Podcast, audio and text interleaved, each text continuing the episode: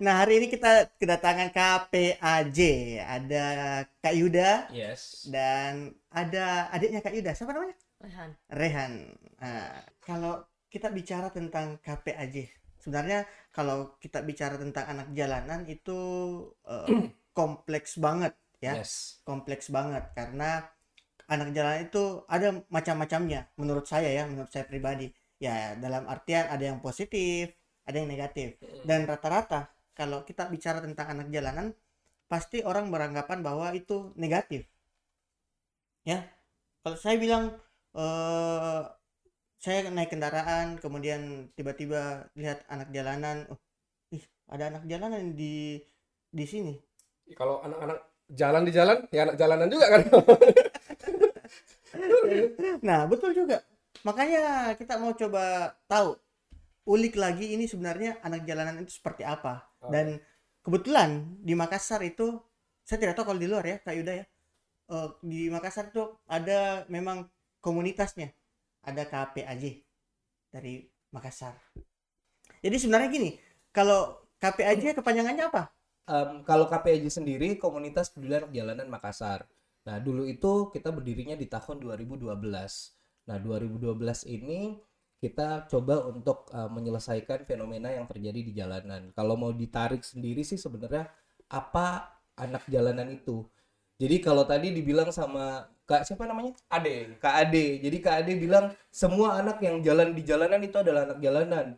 Benar sih sebenarnya kalau dari Masuk akal. masuk akal cuman kalau dari anak jalanan sendiri kategori kita Hmm. di KPAJ adalah anak-anak yang 24 jam itu kurang lebih 18 jamnya mereka hidup di jalanan that's why adalah KPAJ komunitas peduli anak jalanan yang insya Allah akan menyelesaikan beberapa masalah kalau mau ditanya lagi apa sih sebenarnya faktor dari anak jalanan nah faktor kenapa anak jalanan turun ke jalanan itu yang pertama adalah faktor ekonomi jelas ya Hmm, ya jelas. yang kedua adalah faktor pendidikan. Dan yang terakhir adalah faktor mindset. Inilah tiga hal yang sebenarnya harus kita selesaikan sama-sama. Jadi kalau mau dibilang anak jalanan, tergantung persepsinya kita. Makanya kita bawa ini salah satu sampel anak jalanan yang alhamdulillah persepsinya sekarang udah positif. Tapi saya lebih penasaran ya, Kak Yuda. eh, kan tadi terbentuknya 2012. Yes. Nah, sebelum itu siapa sih sebenarnya yang pertama kali bilang, "Yuk, bikin KPAJ yuk." Oke. Sampai terbentuk KPAJ. Bener.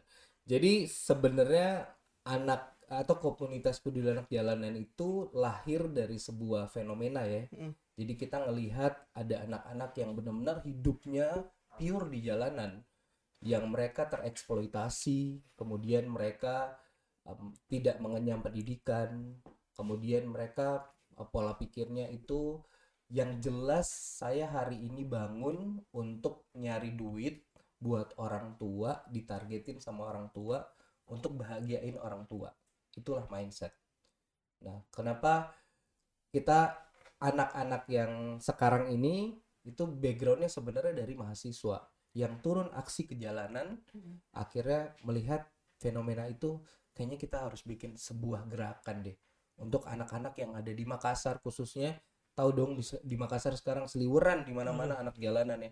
Di semua kurang lebih lampu merah pasti ada se, sedua dua lah tiga lah Iya. anak-anak yang tereksploitasi dalam tanda kutip turun ke jalanan. Nah itu kenapa kita membuat gerakan ini. Eh, kalau misalnya itu kan banyak tuh anak jalanan. Ini kalau misalnya gimana prosesnya itu? Kalau eh, orang mas itu ngelihat langsung diajakin masuk gitu ke dalam langsung dinaungin gitu jadi sebenarnya KPAJ itu membangun rumah belajar di pemukiman-pemukiman warga oh yang potensinya besar untuk turun ke jalan. Oh, Jadi iya, sebenarnya iya, iya. masalah utamanya kan adalah ekonomi nih. Iya. Jadi ayah atau ibunya mereka atau keluarganya mereka sebagian besar melakukan urbanisasi. Nah, dari dari kampung-kampung mereka datang untuk mengais rezeki di Makassar. udah nekat Modal nekat, Mm. tanpa pendidikan yang cukup, tanpa experience, tanpa skill, akhirnya mereka cuma bisa memilih untuk turun ke Ke jalan karena cara paling simpel untuk dapat duit adalah di jalanan. Hmm, betul. Nah, dari situlah kita melihat fenomena itu. Oh, ternyata rumah-rumah yang mereka tempati ini adalah bukan lahannya mereka. Di situlah kita bangunkan rumah belajar. Jadi kalau mau dibilang anak-anak yang kita temuin di jalan terus kita tarik agak susah nih. Karena kita punya rumah-rumah belajar. Jadi adik-adik yang deket-deket situ yang memang eh, home base-nya di situ nah itu yang kita ajarin semuanya. Kurang lebih sekarang KPAJ udah punya enam rumah belajar terus dengan 157 adik binaannya kita. ini sebenarnya anak jalanan ini adalah dampak dari eh, orang sebelumnya. Bisa dikatakan seperti itu benar ya benar Nah, benar. makanya otomatis di rumah belajar tersebut ada banyak orang anak-anak yang eh, bisa dikatakan apa ya eh apa sih namanya? Eh asalnya asalnya bukan dari Makassar saja. Pasti banyak ya. Iya. dari situ entah itu dari luar daerah ke tapi di satu sisi KPAJ tidak tidak melihat eh, dia harus dari Makassar tidak ataukah memang oh kita temukan dia di Makassar ataupun dari luar nih ada ada anak jalanan misal ke daerah anak jalanan dari luar di hire ceritanya di hire ke Makassar untuk gabung di KPAJ atau gimana Oke. Kembali yang tadi ya. Jadi masalahnya adalah orang tua mereka melakukan urbanisasi. Mm-mm. Jadi jelas bahwa semuanya dari luar daerah masuk ke Makassar. Mm. Jadi bukan yang dari dari luar daerah kita tarik untuk ke Iya. Makassar. Jadi ceritanya masalah ini udah terjadi nih. Kita pengen selesaiin masalah ini. Jadi orang-orang tua yang melakukan urbanisasi tanpa skill, tanpa pendidikan yang cukup, kemudian tanpa uh, experience, job gitu ya. Akhirnya mereka memilih untuk mengeksploitasi anaknya iya karena menurut mereka atau mindset mereka itu cara paling mudah untuk menghasilkan duit tanpa harus kerja keras adalah iya betul that's why mereka akhirnya turun ke jalanan untuk minta-minta untuk uh, sorry to say jadi kalau biasa ngelihat ada yang berpura-pura atau ada yang mengkambing hitamkan menjual tisu iya betul dengan iming-iming menjual tisu itu itu juga sebenarnya proses untuk mencari duit dengan cepat oleh orang tua yang tidak bertanggung jawab. Nah, bagaimana caranya kita memutuskan mata rantai ini? Tadi Kak Kak Yusran Kak Yusran bilang kalau ini ini jelas bahwa ada mata rantai nih Hmm. dari orang-orang sebelumnya. Nah, ini kita coba putus mata rantai itu dengan cara apa? Pendidikan. Iya. Nah, kita berikanlah mereka pendidikan yang layak, kita berikanlah mereka bagaimana pengetahuan untuk akhirnya mereka punya choice. Sekarang pilihannya mereka adalah cara cari duit dengan cepat adalah cuman di jalan. Nah, gimana caranya kita memberikan edukasi kepada mereka, kemudian bagaimana kita memberikan skill kepada mereka untuk juga bisa memilih pekerjaan lain selain di jalanan gitu, Kak. Oke mas, nih eh, kalau itu nggak ada bentrok tuh ke orang tuanya Yes. gitu. Itu- kan itu kan iya. biasa kan, penasaran juga sih ngapain ajak anak-anak saya Iya. gitu. Ah, ah. itu pertanyaan bagus banget nih. Jadi di awal kita KPAJ itu sebenarnya yang paling susah adalah orang tua. Benar. Karena sebenarnya mereka nggak aware sama sekali. Bahkan mereka merasa dikrecokin sumber penghasilannya. Benar dong. Iya dong. Bayangkan kalau misalnya harusnya mereka turun ke jalan berapa biasa diminta targetnya? 200 200 nih, 200 ribu. Yes, 200 sampai 300 ribu Dapat. satu anak per di jalanan itu dimintain sama orang tuanya mereka. Bayangin kalau misalnya kita ambil waktunya 4 jam untuk belajar nih misalnya. Jelas dong piringnya pecah semuanya karena digangguin sumber penghasilannya mereka. Tapi perlahan-lahan akhirnya yang awalnya kita ngajarin terus tiba-tiba orang tuanya datang pukul atau datang memaki mereka kenapa kok di sini kenapa kok harus belajar pergi cari Hmm, uang di sana iya. mau kok makan apa nah itu semua ini semua orang tuanya begitu kemarin tapi akhirnya perlahan-perlahan kita istiqomah kita ikhtiar bareng-bareng kita usaha bareng-bareng dengan pengalaman dan edukasi dengan background eh, pendidikan dan background pekerjaan yang berbeda-beda akhirnya alhamdulillah sekarang ada satu statement yang bikin kita tambah kuat banget. Jadi tiba-tiba saya ngajar tiba-tiba saya ngajar terus datang orang tuanya langsung bilang gini sama saya dia bilang "Eh, kak Yuda eh, boleh saya juga diajarin ngaji sama Hmm. diajarin baca tulis itu kayak ini saya kalau cerita gini kayak merinding gitu jadi Benar, kayak benar. wow Iya, ini iya. kayak indikator keberhasilan banget buat kita yang dulu mereka mukul anaknya, Iya. mereka marahin anaknya untuk tidak datang ke rumah belajar. Sekarang malah orang tuanya yang minta untuk diajarin ngaji. Pernah nggak Iya. mas disamperin gitu sama orang-orang tua anak-anak tuh ke ke tempat rumah belajar itu pernah nggak Iya. Uh, bawa golok? Alhamdulillah, kalau saya pribadi nggak pernah. Pernah Tapi teman-teman yang lain pernah. oh ya ada Pernah, pernah. Jadi bukan bukan golok sih, nggak.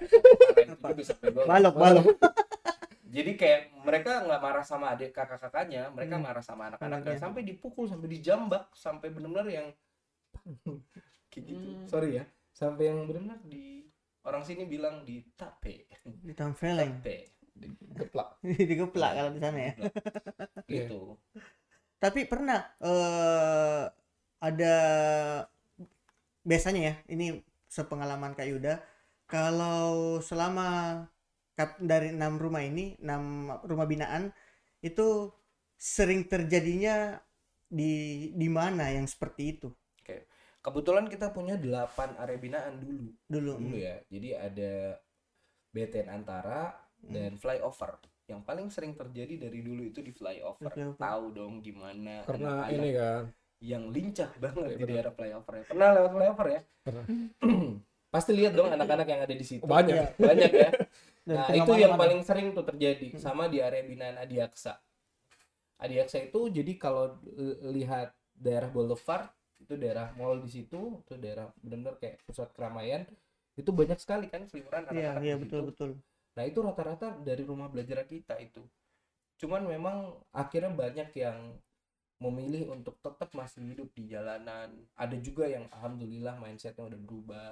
Yang mereka udah punya adab uh, adab malu. Jadi mereka udah punya rasa malu. gitu. iya betul Ketika mereka turun ke jalan, mereka pasti ingat, ih kayaknya Kak ini misalnya Kak Wahyu misalnya yang ngajar di Adiaksa pernah bilang deh atau Kak Jack atau Kak Rijal pernah bilang deh oh nggak boleh turun ke jalan. Kalau turun ke jalan itu begini begini begini begini begini. Pasti mereka akan ingat. Itu akhirnya alhamdulillah mereka berkurang berkurang berkurang. Oh, udah boleh nanya Rayhan nih? Rehan Rehan. Eh, beneran itu tadi 200 ribu? Targetnya satu hari? Iya, dapat nggak? Biasa. biasa apa? Dapat maksudnya eh, dapatnya dengan cara apa? Jual buku. Jual buku. Atau tisu. eh aku mau lah dua ratus ribu satu hari bisa 6 juta deh. Iya, 6 juta. kalah nggak ada nggak ada tekanan. Eh ada lah ya tekanan ya. ada tekanan lah. nggak dapat. Nah kalau nggak dapat gimana? Saya nggak disuruh pulang. oh nggak disuruh pulang? Iya. jadi kalau misal nanti tidak disuruh pulang eh Rehan di mana? Dekat ke mic Di depan Alfamidi. depan Alfamidi. Oh tidur di situ Hmm. sama teman-teman pasti Sendiri biasa. Biasa cuma pulang. Saya biasa saya mami di situ. enggak Rehan jualan buku Buku kayak Al-Quran. bukunya dapat dari mana Eh, beli baru dijual. oh iya oh berarti harus ada punya punya modal dulu dong Iya. itu dapat modalnya dari Dari buku. dari Dari orang tua. sebelumnya Oh, dari orang tua atau uang memang jajan. gimana Uang jajan. oh uang jajan oh jadi Rehan ini diminta untuk dapat 200 sampai 300 ribu itu dari modalnya Rehan sendiri? Iya. oh agak sedih juga ya. Mirip aku merinding Mirip juga. umur berapa Rehan? Maaf umur umur berapa Rehan sekarang? 13. Oh, 13 13 tahun. tahun. Penghasilan 200 ribu. Jadi aku dua ratus ribu. Umur berapa ya? Sorry sorry kok masih Satu apa ya eh dikit mau tahu lagi ini jadi kalau misal ya eh, udah harusnya dapat 200 ribu itu dimulai dari tahun berapa Eh, umur berapa sih Rehan? Umur 11. umur 11 tahun Iya. sampai eh sampai berapa berapa lama Rehan Sampai umur 12 ya. umur 12 Iya. umur 12 ketemu sama KPAJ. KPAJ Iya. Orang pertama yang ditemui itu di KPAJ siapa? Kayu udah. Kak Yuda. Kita dulu itu mungkin seneng banget ya diberiin ini diberiin itu terus minimal punya waktu lah untuk bermain kita pada saat kecil kan? Betul dan kita diberikan kesempatan untuk bersekolah tapi mereka tidak. Iya itu sih masalah. Eh, teman-teman yang lain juga gitu ya? Sama sama satu ini ya satu lingkungan? Iya, satu rumah binaan? sama jadi kalau Rehan ini si sebenarnya apa? Si Huga. Uga juga Uga sama Rehan Arebinan Manggala sama Hmm. si Sari, si Asri. Asri, Tapi Sari. kondisinya beda-beda ya. Tapi jadi setiap anak itu tadi sih dibilang Iya. Kak Yusran, semua anak kondisinya beda-beda. Ada yang em, keberuntungannya levelnya beda-beda. Ada juga yang broken home, ada yang orang tuanya divorce, ada yang mamanya tinggalin anaknya, ada yang gitu kayak gitu. Kayak Uga ini alhamdulillah bukan kategori anak jalanan bahkan cuman memang dia anak marginal anak Mm-mm. yang orang tuanya bapaknya luar biasa sekali loh bapaknya ada yang sarjana kakaknya ada yang sarjana kakaknya dan itu yang bikin saya wow ini orang tuanya hebat banget Hmm. padahal bapaknya penghasilannya cuma dari eh, pegawai bentor pegawai pegawai bentor Huga gitu. jalanan tapi untuk pendidikan nomor satu beda lagi sama Hmm. Asri Asri papanya lagi di in jail sekarang Hmm. Hmm. terus mamanya cuman buruh untuk potong-potong ayam Mm. tapi alhamdulillah anaknya sekarang sudah bisa menghafal juz 30 dihafal Oh ya, mohon maaf mas. Eh, apa sih program kalian di dalam itu apa gitu? Di, di dalam eh, rumah bidan itu ngapain aja? Oke. Kalau mau ditanya soal program, jadi sebenarnya kita itu kalau urusan KPAJ itu pokoknya urusannya pendidikan, titik. Bagaimana kita membuat uh, pendidikan akhirnya masuk di otaknya adik-adik didik kita. Nah, kita buatlah sebuah RPAJ. Jadi datang bukan hanya RPAJ apa tuh? RPAJ itu rancangan pembelajaran anak jalanan. Dan itu alhamdulillah kita susun di dua, dua tahun ini kurang lebih. Mm. RPAJ ini menjadi dasar kita untuk memberikan pengetahuan kepada mereka. Jadi RPAJ itu ada apa aja sih? Jadi RPAJ itu komponennya ada pendidikan agama, pendidikan umum, kemudian karakter dan minat bakat. Kita percaya bahwa empat poin ini akan menjadi pilar mereka untuk akhirnya bisa memilih. Oke, kayaknya saya udah tahu ini, saya udah tahu ini, kenapa saya harus masih turun ke jalan ya? kenapa pendidikan gak jadi utama ya buat saya? Kayak gitu. Itu itu sih hal-hal. Jadi kita nggak maksain buat mereka. Tetap kita kasih pilihan. Kamu mau tetap di jalanan atau kamu mau mengenyam pendidikan yang layak kayak gitu Eh, Rehan kemarin sebelum gabung KPAJ sekolah nggak? Sekolah. sampai kelas 3 Kelas 3 SD. Iya. Sekarang sudah kelas 6 putus Kelas sekolah putus sekolah. Harusnya kelas 6. Sekarang sekolah. Harusnya. sudah disekolahkan kembali Oh ya, nyambung gitu mas. alhamdulillah Nah, yang jadi pertanyaan saya itu eh, dananya dari mana? KPAJ ini. Sumber dananya. Sumber Dari- dananya dari mana? dari Allah subhanahu wa taala dananya dananya alhamdulillah karena kita di pengurusan saya dan sebelum-sebelumnya juga sih jadi kita di dua tahun ini tuh memperbaiki manajemen komunitas manajemen organisasi kemudian kita memperbaiki uh, database adik-adiknya kita sama kita perbaiki uh, sosial medianya kita Iya. Nah tiga poin ini akhirnya mendatangkan sendiri pundi-pundi untuk adik-adik jadi akhirnya Telkom percaya kita Iya. Wah, padahal sebenarnya kita hanya komunitas yang tidak berlegalitas. Mm, betul. Jadi, tapi karena kita transparansi, kita pelaporannya jelas, kita membuat implementasi kegiatan, kemudian ada pelaporannya. Terus akhirnya sekarang YBM PLN menjadi mitra kita, kemudian Telkom, Telkomsel, kemudian ada hotel juga, ada ada banyak pihak yang akhirnya melirik kita untuk dipercayakan setiap ada dana-dana CSR ataupun dana-dana bantuan. Dan alhamdulillah mereka semua bisa hidup, kita bisa bangun rumah belajar dari situ. Tapi dengan catatan, semua program organisasi nggak pakai duit kayak gituan. Jadi semua organisasi itu alhamdulillah dari kita membuat um, pre-love misalnya bajunya kita itu Hmm. kita jual di CFD misalnya Hmm. ataukah kita bikin uh, kegiatan uh, basar makanan kemudian kita bikin ada banyak sih kegiatan untuk kita bisa ngumpulin duit buat program-program kerja Semua yang dari hati akan sampai ke hati. yes Ya. itu dia itu manajemen uh, organisasi yang kita bangun sekarang semuanya kita kerjakan dengan hati jadi apa pun itu pasti akan kembali lagi karena hati Kalau volunteernya jumlah anggota KPAJ sendiri ada berapa? Mas? kalau volunteernya itu kan benar-benar kayak datang dan pergi ya karena kita nggak bisa tahan mereka ya Kalau member membernya yang tetap gitu Kalau kalau member yang tetap itu pengurus. oh, pengurus ya Ya, jadi setiap tahun itu ada pengurus-pengurusnya. itu ada nicknya Enggak, berapa berapa orang Kalau pengurusnya di di yang periode ini itu ada kurang lebih 25 25 orang untuk 6 adik 6 belajar 157 adik ini cuma 25 orang nanganin 150 orang tapi kalau misalnya orang nih orang yang mau join jadi volunteer tuh gimana caranya Mas? Oke.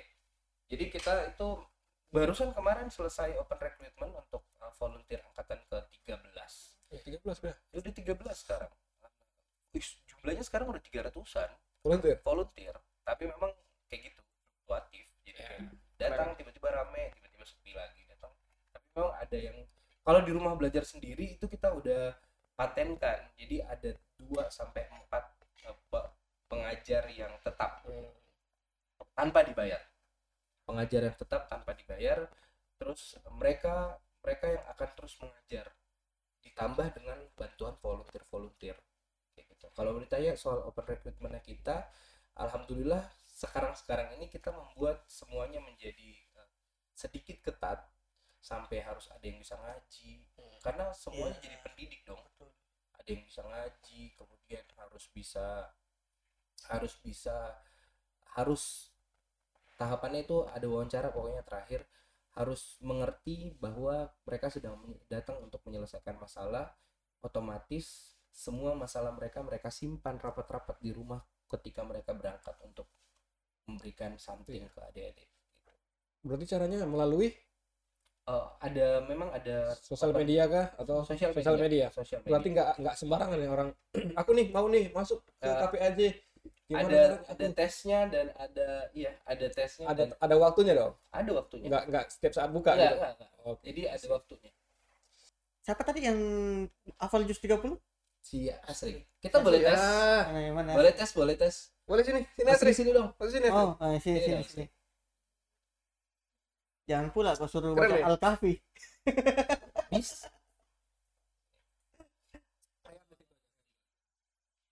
Asri Asri apa kepanjangannya? Nama lengkap? Nama lengkap? Muhammad Asri. Oh, iya kita belum tanya Rehan ya? Kalau Rehan nama lengkapnya? Muhammad Uga. Muhammad bukan Nugraha Hakik ya oh anu oh anugerah anu coba deh kita ya. Coba kita mau tahu eh jus 30 Eh, Oke. yang penting jangan eh, apa ya? Apa sebelumnya? Aduh ini kalau agamaku nih kayaknya aku kurang serius aku kurang. Agak. coba alih kelas. Jangan pula kayak gitu. Terus 30 kita coba oke. Siapa yang baca kaisan eh bang Ade gimana? Aku bisa ngaji cuma patah-patah dia delay. Sambung ayat sambung ayat deh sambung ayat yes. Ya. silakan. Mau Al-Quran? Aku luar kepala. Oh di luar kepala. Ini nggak masuk masuk. Nggak ada di kepala. Gitu. nggak masuk masuk. Oke oke oke. Luar kepala. Eh, mungkin Aku teman-teman yang lain. coba coba. Coba eh, yang paling kan ini ya yang paling kelihatan ya ya solihanya yang mana yang paling kelihatan solehannya bahasa kacamata coba ya silakan Cem kita nungguin Cem mana يوم ينفخ في الصور فتأتون أفواجا وفتحت السماء فكانت أبوابا وسيرت الجبال فكانت سرابا إن جهنم كانت مرصادا للطاغين مآبا لابثين فيها أحقابا لا يذوقون فيها بردا ولا شربا إلا هميما وغساقا جزاء وفاقا. إنهم كانوا لا يرجون حسابا وكذبوا بآياتنا كذابا. وكل شيء أحصيناه كتابا. فذوقوا فلن نزيدكم إلا عذابا. إن للمتقين مفازا. حدائق وأعنابا وكواعب أترابا وكأسا دهاقا لا يسمعون فيها لغوا ولا كذابا. جزاء من ربك عطاء حسابا. رب السماوات والأرض وما بينهما الرحمن لا يملكون منه خطابا. يوم يقوم الروح والملائكة صفا لا يتكلمون إلا من أذن له الرحمن وقال صوابا. ذلك اليوم الحق فمن شاء اتخذ إلى ربه مآبا. إنا أنذرناكم عذابا قريبا. يوم ينظر المرء ما قدمت يداه ويقول الكافر يا ليتني كنت ترابا صدق الله العظيم. Sadaqallahul Subhanallah. Merinding aku. Hmm, Iya. Ustaz. Eh, berapa siapa tadi? Asri. Berapa Asri. berapa tahun umur berapa? 13 13 13. Oh, Lihat muka muka abang. Ya. Ingat nanti di akhirat ya. di akhirat Ya, ingat atau atau atau Al-Quran. ingat Atau empat muka empat orang. ingat kalau ada tulisan IndiHome Enggak kita udah dapat pahala kan dengar. Oh iya. Enggak kalau di kalau setahu aku kalau penghafal Al-Quran itu di akhirat bisa bawa 40 orang masuk surga. Iya. Eh. Ingat. Ini sih. Kita Luar biasa, keren. Keren. Luar biasa. Si apa juga tadi Rehan? Iya. Apa Ini. si apa juga kan? Kalian sama si Uga, Uga Muhammad ya? Uga. udah Anugerah. Uga juga luar biasa. Tadi tiga-tiganya bahkan ya. Iya. iya Aku Tiga-tiganya. dalam hati loh. Ikutin. Kalau Rehan memang si, sisa 5 surah lagi Enam. 6 surah lagi kalau Kauga memang karena baru Kauga bergabung jadi Kauga berapa lagi masih banyak ya masih banyak Tapi memang yang eh, selain siapa namanya? Asri. Asri eh, ada lagi Kak yang hafal. jadi sebenarnya jadi sebenarnya kita itu punya delapan anak kemarin cuman kita untuk merubah orang itu susah banget ya. Merubah Iya. pasangan aja satu susah gitu. Apalagi kita merubah delapan anak dari lingkungan yang berbeda-beda. Jadi kemarin itu saya harus terpaksa menggraduate mereka untuk dipulangkan kembali ke rumah rumah rumahnya mereka. Karena ada masalah yang besar sekali mereka lakukan. Adalah pokoknya. Dan itu akan berpengaruh sama tiga anak ini alhamdulillah sekarang saya tetap mengambil anak-anak dari rumahnya mereka tapi saya batasin cuman di hari Jumat dan hari Sabtu Jumat Sabtu Minggu saya bawa ke rumah jadi kurang lebih sekarang kembali ada delapan anak tapi yang Hmm. lima anaknya itu bolak-balik setiap hari Jumat Sabtu Minggu saya bawa ke rumah Di rumah ini pakai ini enggak Mas? Pakai wifi enggak? pakai Di- Enggak bukan, maksudnya di rumah belajar. Oh enggak Enggak ya? Enggak. Memang offline semua ya. Karena Offline. susah di sana maksudnya Tempatnya Takutnya difasilitasi semua orang di sana tiba-tiba Oh. rame Oh. gara-gara ada wifi ya. Nebeng di dinding Ah, ya kan. iya Enggak Mabah. apa-apa kau. nggak apa-apa. Iya nggak Ngapain kau sini gitu? nggak apa-apa. Enggak. Tapi dibatasi kali ya 10 Mbps kali ya. Iya. Bisa sih kalau kayak gitu. Tapi ya pikir-pikir lagi lah. Karena itu juga itu salah satu konflik loh. Oh ya, Mas, ada yang jaga enggak itu rumah? Iya. rumah belajar ya, ya jadi kayak kita udah udah udah memberikan kepercayaan kepada warga sekitar atau orang tuanya mereka untuk Hmm, mereka yang menjaga merawat gitu Iya. jadi kalau ada apa-apa ya pokoknya duluan mereka lah Aktivitasnya di situ setiap hari atau setiap hari setiap hari ya? itu yang bedain kita KPAJ dengan komunitas-komunitas lain Hmm. jadi kita itu intensitas belajarnya itu lama. Jadi kayak kita Senin Rabu Jumat Sabtu Minggu belajar. Oh. Iya, jadi kebutuhan kebutuhannya area binaan beda-beda. Jadi kita sesuaikan dengan Benar. kebutuhan area binaan. Kayak misalnya adiknya masih tetap mulung nih misalnya harus mulung. Ya kita ikutin flow flow worknya adiknya. Hmm. jadi adiknya jam segini oh, baru mau baru mau keluar mulung. Ya kita ikutin gitu. Akhirnya belajarnya di jam misalnya ba'da maghrib ataukah sebelum maghrib kita sholat eh kita belajar habis itu sholat bareng baru lanjut lagi belajar. Hmm. ada juga yang di Manggala mulai dari jam satu siang gitu. Jadi sesuai kebutuhan area binaan masing-masing. Jadi jadwalnya rutin ya. Jadwalnya rutin karena Di semua sekali tempat. lagi pendidikan itu sustainable ya. Mm, pendidikan betul. itu nggak bisa putus. Kita belajar satu tambah satu dua setelah itu ada lagi Iya, benar. ya. Jadi nggak bisa putus dan itu yang Jadi kita coba. konsisten mas ya? Benar itu yang kita coba untuk istiqomah Iya, bareng keren loh. Eh, mem- membikin sebuah komunitas itu kayak membikin grup WA gitu loh. Mudah gitu kan? Benar. Tapi menjalankannya Iya. selama 9 tahun mas ya, 9 tahun. istiqomahnya yang Ah, benar. itu susah Masalah Menjalankan sampai ber- bisa bertahan sampai sejauh itu Hmm. dan ber- eh, programnya berjalan susah.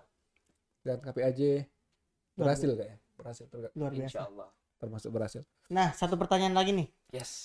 The last apa tadi? Mas rencana KPAJ dan harapannya ke depannya itu di tahun 2022 ini seperti apa? Oke kita nggak muluk-muluk sih sebenarnya kalau di KPAJ kita pelan-pelan tapi pasti insya Allah yang pertama adalah kita memperbaiki rumah-rumah belajar yang sudah mulai reot itu. Yang kedua kita coba untuk mereview kembali eh, pola pengajaran. Dan yang terakhir kita berharap adik-adik yang tidak tahu berhitung, tidak tahu membaca, tidak tahu mengaji, insya Allah di 2022 157 adik-adiknya semua bisa. Itu insya Allah. Itu target kita. Luar biasa. Tepuk tangan dulu dong. Hmm. Jadi itu sangat ya sangat dalam ya eh, podcast kita hari ini ya. Karena asik ya asik. Beberapa kali ya. merinding. Rehan mungkin ada sesuatu yang pengen disampaikan buat anak-anak ya di luar sana. Karena Iya. anak-anak biar anak-anak yang di jalanan juga suka nonton YouTube soalnya. Oh, Iya. iya, iya, Kali betul, aja betul, mereka betul, nonton ya. Ayo. Ada sesuatu Apa? yang Rehan mau ceritakan atau mau disampaikan buat adik-adik atau kakak-kakak yang di sana akhirnya tidak turun lagi. atau juga teman-teman juga sini Sini, sini gabung sini, ya. gabung sini. Enggak, sama Asri sini. Enggak sama Asri. Sini. Terus Ini di- penting nih, ini soalnya nanti yang nonton ini lebih banyak dari si Atta. Amin. Amin. petir Kakak Rehan dulu ya. oh, ya terima kasih contoh dulu Kasih contoh dulu. Apa yang Rehan akan sampaikan buat adik-adik atau kakak-kakak supaya mereka mengikuti jejaknya Rehan?